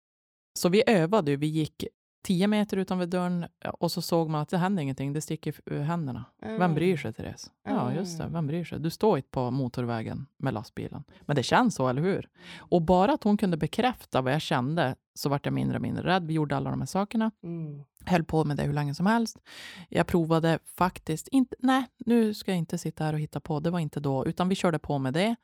Sen fick jag, gick det som till sig. Alltså jag visste som att det var där, men jag kämpade emot varje gång. Så att jag satt mig gärna inte i situationer som gjorde det. Det var fortfarande ingen Google vill jag lägga till. Sen fick jag barn när jag var 20. Mådde bra då. När han var 6, 7, 8, 9 månader, han fyller 13 i år, så kände jag att satan, nu känner jag att det som, oavsett om det var att jag hade jättemycket hormoner i kroppen eller vad det var, men det var som att jag inte längre, jag var som rädd. Det var som att jag var rädd för en massa nya saker. Om man känner mig halvbra, om man vet vem jag är och så vidare, så är det ingen under alla de här åren, väldigt få personer ska komma till det, som har ens vetat att jag har haft det. Mm. Så det innebär ju, jag har aldrig varit sjukskriven, jag har aldrig missat ett möte, jag har aldrig gjort de här sakerna och det har jag ju bara baserat på tjurighet. Var det bra så här i efterhand? Nej, det var det inte. Men jag var ju så dumtjurig, brukar jag välja att kalla det, där jag nästan kör ner mig själv i backen. Du vet, jag stångar huvudet blodigt. Men jag fixar det. Alltså, Mm. jag vann över mig själv. Det är en fin kamp. Men nåja, fick jag då barn när jag var 20. Och då var det ju dåligt igen, så då bodde jag i Sundsvall. Min farmor kom ner och sa nu skärper du till det, för jag ringde och sa att nu håller det på att bli kris och panik här. Nu är det kris och panik. Och då sa hon så här, vet du vad antidepressiva är? Ursäkta? Säger du att jag är depressiv? Eller har depression? Alltså nu, nu, håll, nu får du lugna ner dig. Och då sa hon, nej det tror jag inte att du är. Och så jag bara, nej, för jag har aldrig i hela mitt liv haft någon tendens, om man läser kriterierna för Mm. depression, eller du vet stanna inne och missat något som jag inte verkligen behöver göra. Och det är ingen, det sitter inte jag och säger nu för att det är oj, wow, vad bra. Jag ska försöka förklara vad jag menar med det. Tänk dig, för hon är väldigt duktig på billigt förklara saker. Mm. Jag sa, ja, nu är ju jag ingen som tar antidepressiv tabletter. Nej. Alltså Alvedon. Ja, Hallå, jag ska Ja. fundera på det. Men nu får du sätta dig ner i båten för att nu har du spårat ur igen. Först säger du att jag har panikångest. Nej, skämt åsido. Men, men ehm, då sa hon det att om man står med ena benet nere i en sån här brunn, du vet på gatan. Ja. Du har inte kraft att ställa dig upp. Men har du så låga serotoninnivåer, och nu ska jag låta det vara osagt för jag är ingen läkare eller någonting, men om du kan få hjälp att lyfta det andra Mm. benet och faktiskt ta tag i Lite de grann liksom. utmaningarna du har, då ska man köra på det. Mm. Jag, var, alltså, jag var så skeptisk. Nej, nej, nej, nej. Det kan du glömma bort. Så jag harvade på där. Och då sa hon att, men vill du ha det så här? Alltså du är ändå barn. Alltså hur, hur tänker du att du ska göra när du ska åka på badhuset? Du vet, alla saker. Jag gillar ju att göra folk besvikna. Okej då, farmor. Vi ska väl prova då. Jag provade på jättelåg dos och den som var typ rekommenderad till, alltså vanligast eller vad man ska säga, på ångest, eh, generell eh, ångestsyndrom, panikångest, depression och så vidare. Körde det kanske, nu hittar jag på för att jag vet inte exakt, det kan vara åtta månader eller sex månader eller tio månader, men ett halvår säger vi. Men det var som att jag hade jättemycket biverkningar. Och då eh, huvudvärk och, och det blixtrade i huvudet. Det, ja, men det, det var inte hundra. Däremot eh, panikångesten gick som ner. Och så sen då fick jag utbytt till en uppdatering som då hette Escitalopram som var bättre, alltså mindre biverkningar. Så det vart bättre. Så jag körde på med det ett tag, sen slutade jag med det. Man ska, säger de, inte, man ska minst använda det ett år och inte sluta för tidigt. Och det är också speciellt, för än en gång om man går till det där, jag ser inte ner på någon annan. Jag tänker, fan vad bra att du gör, precis som om du har diabetes eller bryter ben eller vad du då håller på Mm. med. Jättebra, Mm. toppen. Men för mig själv så var det där något inbyggt bara, men vad håller du på med, Therese? Bit ihop för helvete. Mm. Mm, härligt. Men ehm, i, i alla fall så, så körde jag på med det där och jag jobbade, jag jobbade i en annan bransch då, jobbade enormt mycket. Flyttade hem till Piteå, allting var bra och så nu min andra son då som fyllde sex år var jag gravid med. Då, då var det som att jag kom tillbaka igen och jag tänkte vad är det som händer? Under den här perioden, det man inte ska glömma, är att jag har gått, jag provat olika psykologer för jag brukar ju tänka att det finns ju lösningar på allt, så jag har provat allt. Och farmor har ju som haft ganska mycket tålamod, men jag har ju, jag har ju hört vad hon har sagt, men jag som ändå inte lyssnar. Jag som, ja, ja, jo, ja, nej men så är det, absolut, toppen. Och sen har jag som inte gjort det. Så hon har som haft tålamod med det där då. Och så sen det som var brytpunkten, och det, nu vart det här väldigt, jag ber om ursäkt för det utdraget, hör jag. Men, jag älskar det. Ja, men jag tror att det är ändå viktigt att, att få någon form av bakgrundshistoria, hur länge, varenda dag jag harvar på det, varenda gång jag skulle gå på ett möte eller vad jag än skulle göra, har jag gått dit med 200 i puls. Jag har kämpat emot. Och då hade jag ett jobb på, på Telia som områdeschef och då skulle jag börja åka till Stockholm också, för jag hade butiker då i Norrland. Så jag flög i början, jag flyger också hyfsat mycket under min uppväxt och varit utomlands och sådär och det har aldrig varit ett problem. Och så länge, jag har ju som tyckt att det varit ok om det har drabbat mitt privata liv, att jag inte kan göra saker att jag tycker att det är för jobbigt, att jag prioriterar bort det. Men när det börjar drabba jobbet, för jag har nog också uh, hyfsade slängar och prestationsångest, mm. inte till någon annan men kopplat till mig själv. Då börjar det vara ett problem och då minns jag den här grejen så fruktansvärt och tillbaka till det du berättade om när du låg i sängen där. Jag skulle åka till Stockholm och jag skulle vara där klockan 11. Jag har kört bil till Luleå flygplats. Det tar ungefär 40 minuter. Alltså jag har så mycket hjärtklappning på vägen dit. Jag tänker bara, hur ska jag fixa det här? Och jag visste inte ens vad jag var stressad över för att stå på scen och prata inför andra eller du vet hålla... Jag, alltså jag har noll. Noll. Jag är inte ens nervös. Jag vet inte ens vad det är. Så att, eh, det, jag tänkte att nu har jag allt hamnat fel. Jag ska sitta i min egen bil och köra. För man kör ju över, eh, överallt bil jämt. Så att bil, det kan jag köra. Ja. Eh, och så kom vi fram, eller vi och vi, jag och bilen, till långtidsparkeringen, köper biljett, sitter där. Och så känner jag, jag kan inte kliva ur bilen. Jag kan inte, men själv. Och så är jag tillbaka i det här uh. plågandet. Jag har ju uh. plågat mig själv för fan i 15 år, varenda dag. Uh. Och det är det som är så märkligt, att ingen förutom mina allra närmaste har ju märkt det. Mm. Alltså min exman, vi separerade för två år sedan, mm. eh, har ju varit väldigt delaktig under de här tolv åren som vi har varit ihop. Så han har ju vetat det, farmor vetat det, pappa vetat det. Två gamla chefer jag hade har vetat det, men egentligen har ingen annan trott. Ja, men vadå, du kommer ju från en fin familj, du glider ju in här på bananskal, hur har du fått det här jobbet? Och du är ju kvinna och yngre också dessutom. Ja, och då tänkte jag varje gång, men jag sa aldrig något. Du ska veta vad jag har gjort för att ens komma hit.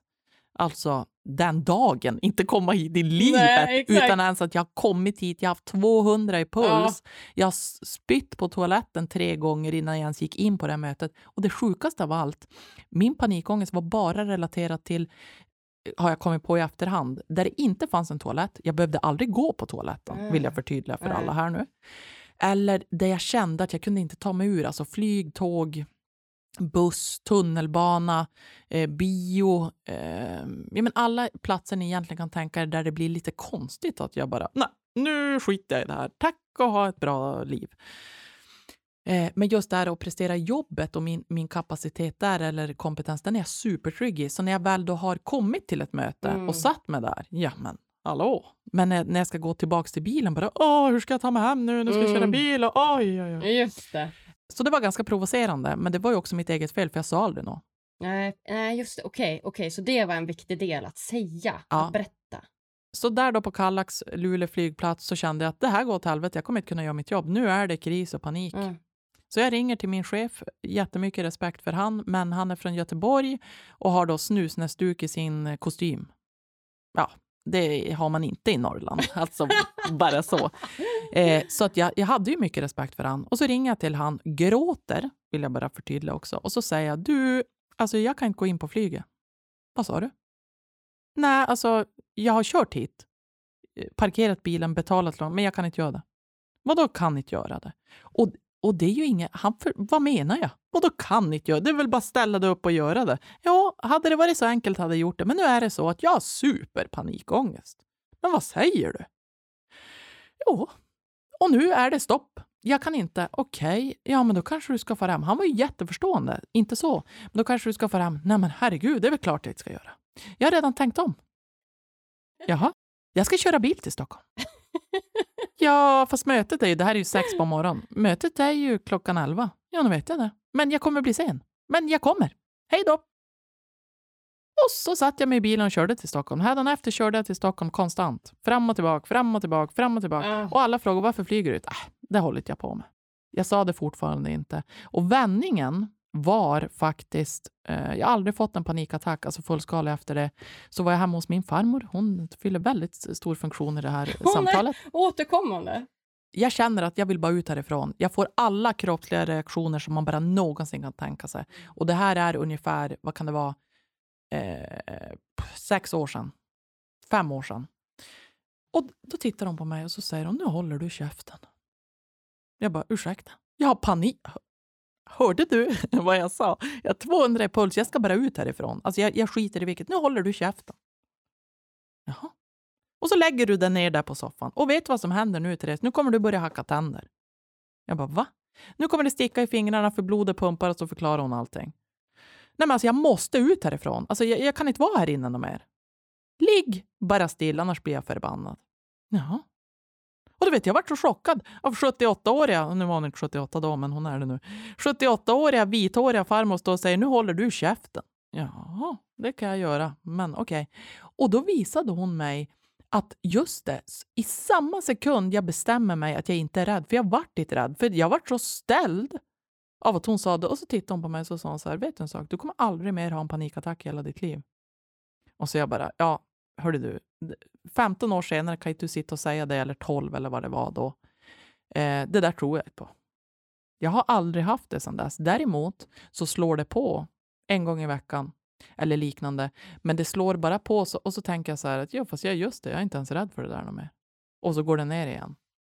Va? Och det var det som var acceptansen. Men den sista saken som jag faktiskt, på tal om att bara lösa lösningar hela tiden, det var att en stor drivkraft, förutom att inte göra andra besvikna, är ju att jag behöver leverera på jobbet. Har jag lovat en sak, det behöver inte vara jobbet, det kan vara privat. Har jag lovat en sak, då är det så. Alltså jag håller så hårt på det så att det finns inte. Och då hade vi investerat i fastigheter utomlands, eh, vårt bolag, för personalen. Ja, då, bara det är ju bara hur fett som helst. Vi kommer prata mer om det sen. Ja. Men att ni har investerat i fastigheter för personalen så de kan åka till. Ja, okay, ja, fortsätt. Ja, nej, ja. det är också ett sidospår. Men i alla fall, då säger min chef, och jag har ju berättat det här för han, Per som han heter, om alla utmaningar och vi har ganska öppen och rak och ärlig, för då skapar det bäst förutsättningar. Men i alla fall, då säger han till mig, och jag inser nu i efterhand varför han gjorde det, men jag vart svinförbannad på honom. Då sa jag att men egentligen min panikångest, jag vet att jag får det ibland och så vidare, men det här är, sen jag fick det den där gången och kunde acceptera att jag har det och jag står för det. Bara den saken, och det är det som är skillnaden. Det här var det längsta svaret på en fråga någonsin. Men just där, vad, när accepterar man det? Jo, när man kan stå för det. Mm. Ja, vet du, jag har haft panikångest sedan jag var 15. Svinjobbigt, men mm. det definierar ju inte vem jag är. Nej. Då accepterar man det. När man tror att ja, men jag ska ändå prova göra de här sakerna och, så, och vilken panik och tänk om jag får panikångest där och den ska tycka och tro. Men vem fan bryr sig? Mm. Den enda som blir olycklig är en själv. Mm. Då säger han till mig, och i efterhand fattar jag varför han gjorde det. Men du Therese, hur tänker du? Du sitter i styrelsen, jägargruppen, du är försäljningschef, du ska ta dit, du ska köra kickoffer, konferenser, ja men du vet alla de här sakerna. Men du kan ju inte åka utomlands.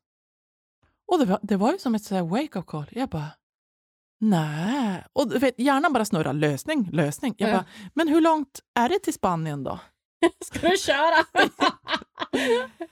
och så tittar han på mig. Nej, så du får ju omvärdera det här. För att jag menar, vi kan inte ha en försäljningschef som inte gör det, för du ska ju någonstans vara den som faktiskt motiverar andra. Och du vet, jag hade ingen lösning. Jag fick, jag fick panik. Ja. Jag bara, eh, inte panikångest, men eh, jag har ju ingen lösning. Jag har haft ja. lösningar hela mitt liv. Ja. Jaha, sa jag, det där var ju faktiskt inte snällt. Nej. nu tycker jag att du ska fundera på vad du säger till mig, för att nu har jag ingen lösning. Så kan du gå ut från mitt kontor, stäng dörren och så kommer du tillbaka igen. Just det. Och så satt jag där. Och vad ska jag göra? Jag har ingen lösning. Jag har ingen lösning. Det var som att jag var tvungen att bara lägga mig ner på backen och bara tänka, ja, vad ska jag göra? Så då går jag tillbaka och så säger jag, ja, och vad tycker du? Vad är din lösning då? För jag kan inte göra det, då får du säga upp mig. Gör det då. För jag kan inte göra det. Och så tittar han på mig och så säger han så här, du Therese, har du gått till någon som faktiskt är väldigt duktig på flygrädsla till exempel? Nej, men jag är inte flygrädd. Jag har panikångest. Två skilda saker. Mm, okay. Men du, kan du tänka dig, för att någonstans, vi måste ju fixa jobbet. För det här kan ju inte drabba dig. Så kan du tänka dig att gå på fem samtal? Mm. Ja, jag ska fundera på det. Jag kan återkomma imorgon. Mm. Och så funderade jag och funderade och så gick jag till hans kontor dagen efter och så sa jag boka det då. Gör det då. Men jag kan inte lova att jag ska fixa det, för jag tror inte att det, det är omöjligt. Det går inte. För nu har jag bestämt mig att jag ska aldrig mer flyga igen, så jag ska fan inte göra det. Och så gick jag på de här samtalen. Tredje samtalet så säger han åt mig, han var psykolog och eh, hade varit pilot tidigare, så att egentligen inte flygrädsla. Pelle lurade mig lite grann. men, men det var bra. Ehm, så säger han att det är bara att göra det, Therese. Vad är det värsta som kan hända? Kommer du att dö av panikångesten? Nej, men jag är ju instängd. Jo, jo, jo, absolut är du det. Men vad är det värsta som kan hända? Är du inte trygg i dig själv? Jo. Okej, okay, men då frågar jag igen. Vad är det värsta som kan hända? Ingenting. Och i, i, samma sekund då säger Pelle att, och då var det så typiskt, för, eller typiskt, det var jättefint, att vi behövde åka på ett möte, jag tänkte köra bil. Och då säger Pelle, men då provar vi flyga. Jag kan säga att det var tur att det var han som gjorde det. För att jag var så arg den resan och det var så jobbigt. Han lurade mig på Arlanda Express och vi åkte allt jag inte har åkt. Och efter den dagen, och jag är så jävla tacksam ändå att han orkar stå på sig, för jag är ganska tjurig. Väldigt tjurig. Och efter det så flyger jag ju till Kroatien och Bosnien och Spanien, ja vars ni vill. Oh, wow. Jag har inga problem. Va? Och förstå att jag då inte flugit på över tio år. Jag har bara kört bil överallt. Oh. Det är så sjukt. Mm. Mm. Och nu sitter du här och kan flyga över halva jorden. Ja. Det finns ju ingenting som kan knäcka mig idag. Nej. Oj, jag har panikångest, absolut. Det slår på hela tiden, men jag har inga problem med det. Nej. Jag har lärt mig acceptera att det är så det är. Och jag tror att ju mer jag gör det, när vi sitter här om tio år igen, för det kommer vi att göra. Det kommer vi. Ja, då kommer jag förmodligen säga att panikångest, jo, jo, men det har jag haft förut, men det har jag inte längre. Och det är väl det jag tror som har gjort mig lycklig. Att, jag skulle inte säga att jag är lycklig varje dag eller att jag har någon, men jag har ändå den där grund... Jag accepterar mig själv, jag accepterar alla runt omkring mig och jag kanske inte accepterar allt de gör, men jag respekterar dem. Mm. Och jag tror att det är det i grund och botten som faktiskt gör mig lycklig. Att man ska inte göra saker som andra tycker att man ska göra eller att som är fel. Eller man ska inte driva bolag på ett sätt som man bör göra, utan man ska lyssna på magkänslan. Och jag tror att mitt liv idag, jag har ju då två barn som är 13 och eller han fyller 13 och fyller 6, då, två killar. Och så är han sambo som utmanar mig varenda dag, som jag är superkär i. Alltså super, super, superkär. Och jag kan inte minnas att jag... Alltså där jag är idag så vet jag att han värderar mig för den jag är. Mina barn uppskattar det jag gör i ett jobb som jag inte ens ser som ett jobb. Och jag är fri och just den är nästan den största, även om alla de här sakerna blir ju hjärtligt, men alltså rent hjärnmässigt, eller vad man ska säga. Att jag är fri att fatta de beslut, oavsett det är privat eller jobb, som gör att jag kan stå för det. Det är ingen, Pelle skulle aldrig någonsin säga till mig, ja men gör det här, alltså min chef.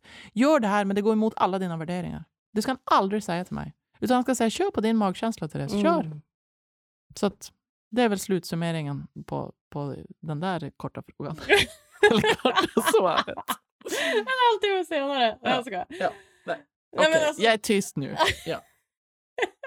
Nej, jag tycker det är så fint. Jag vet inte, jag blir typ nästan tårögd. Jag vet inte varför jag blir så tårögd. Jag tycker typ att det här var alltså så himla fint. Alltså, det är så mycket sanning i det. Det är så mycket bara, liksom jag kan relatera så mycket själv i det. Det finns så mycket kärlek bakom det, finns så mycket sanning bakom det och jag känner bara tack för att du vill dela med dig om det här i Lyckopodden för att det här är typ anledningen till att jag driver Lyckopodden. Det är för att för att få sprida sådana här saker till svenska befolkningen. Till mm. att, till att verkligen kunna förstå att så här, ja, du har haft en pissjobbig uppväxt med supermycket panikångest och idag sitter du här och du har accepterat det och du lever med det och du är lycklig.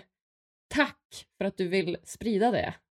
Ja, och jag känner också att det blir så här... Um, ja, men tack för att du säger tack, höll på att säga. Men eh, alltså, jag vet inte hur jag ska förklara vad jag menar, men jag vart ju tillfrågad av en psykolog jag gick till, för att jag har ju provat alla privat som går. Ni förstår, de är inte supermånga i Norrland.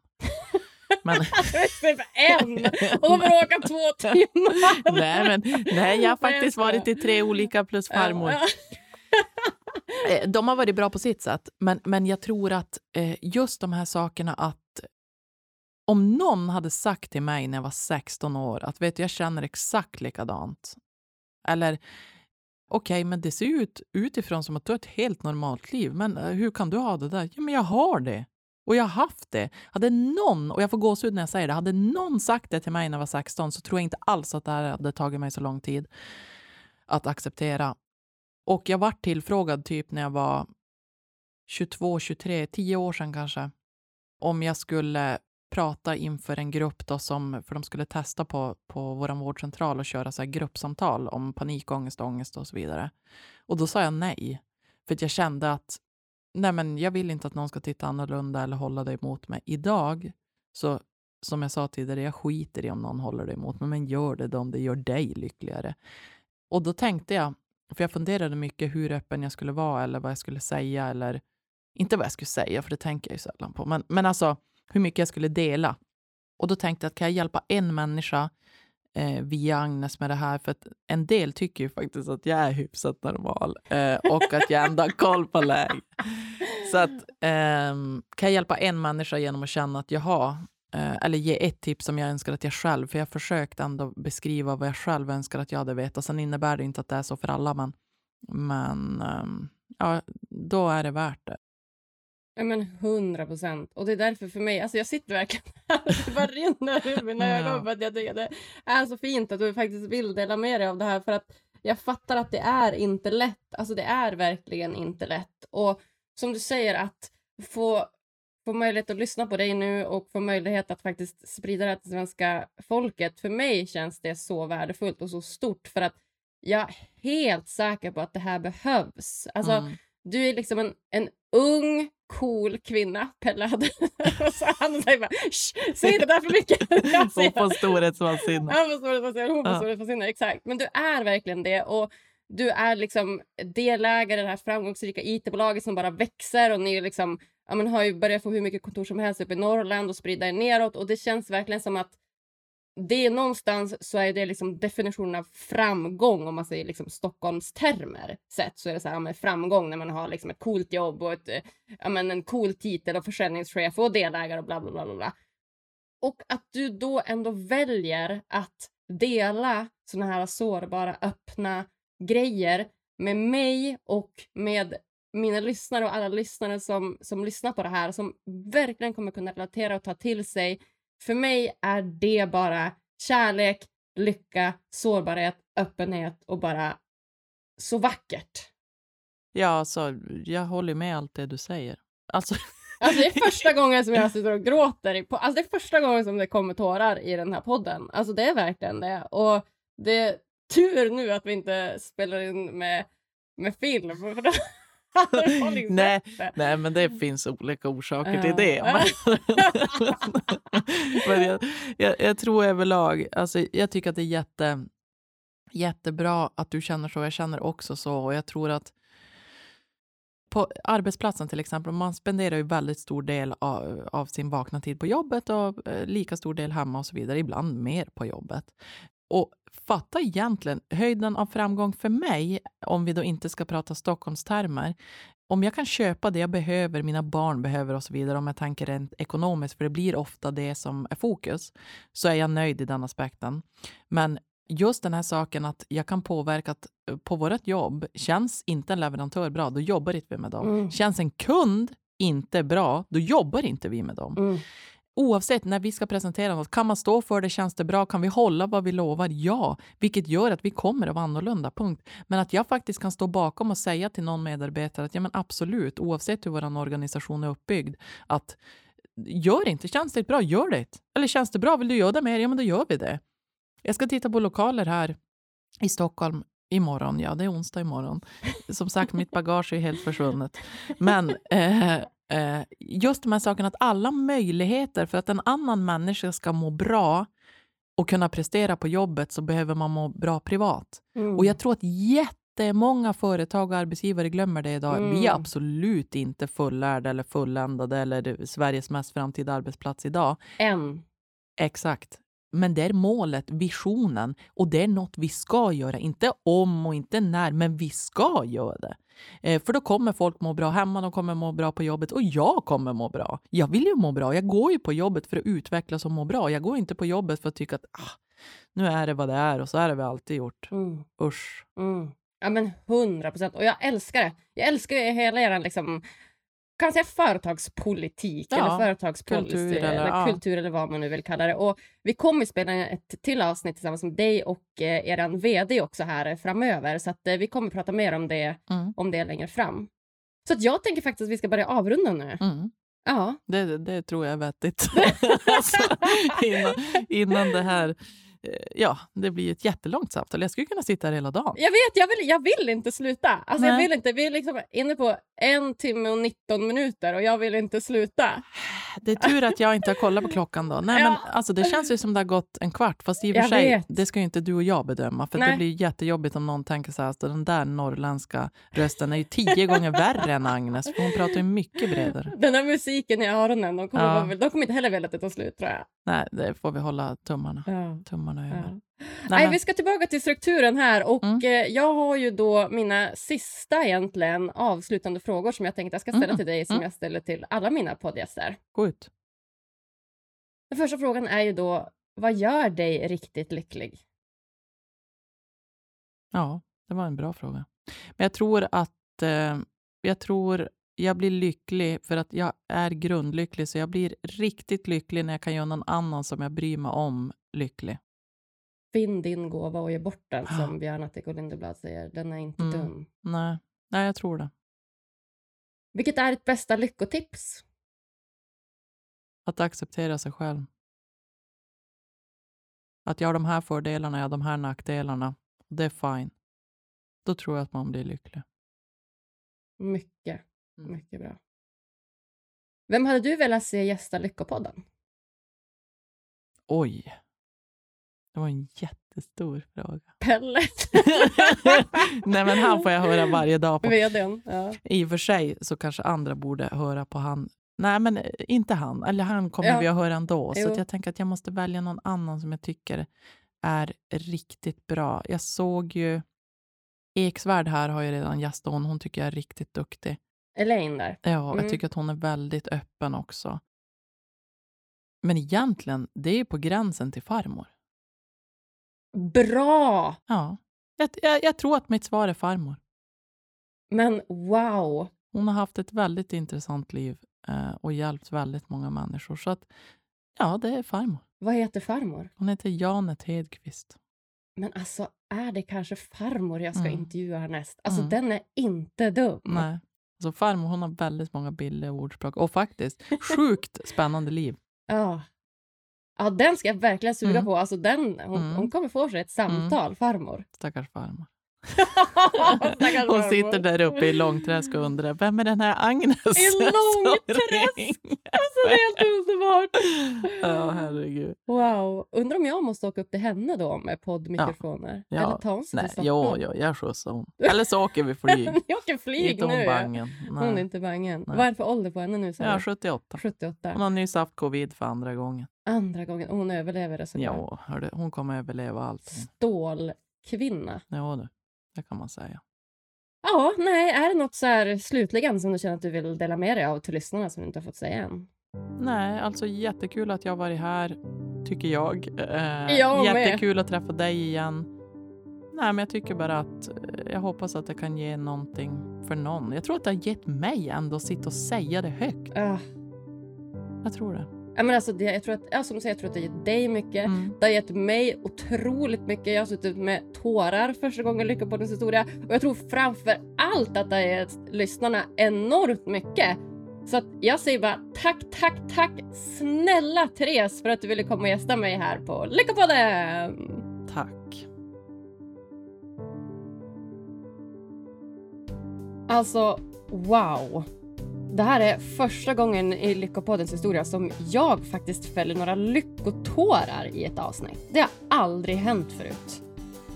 Ja, så himla fantastiskt samtal. Ni märker vilken magi sårbara och öppna samtal leder till. Jag är så otroligt glad över att få lärt känna Therese och att hon faktiskt vill hjälpa till att sprida lycka och välmående på det här sättet. Det är så himla värdefullt. Och tänk att få arbeta på Sveriges mest framtida arbetsplats. Där alla beslut som tas bygger på de grunderna. Hur coolt är inte det? Jag älskar att psykisk hälsa är så stor del av deras värderingar och jag älskar den personliga touchen vi fick på det här avsnittet där Therese öppet och ärligt delar med sig om sin resa mot psykisk ohälsa.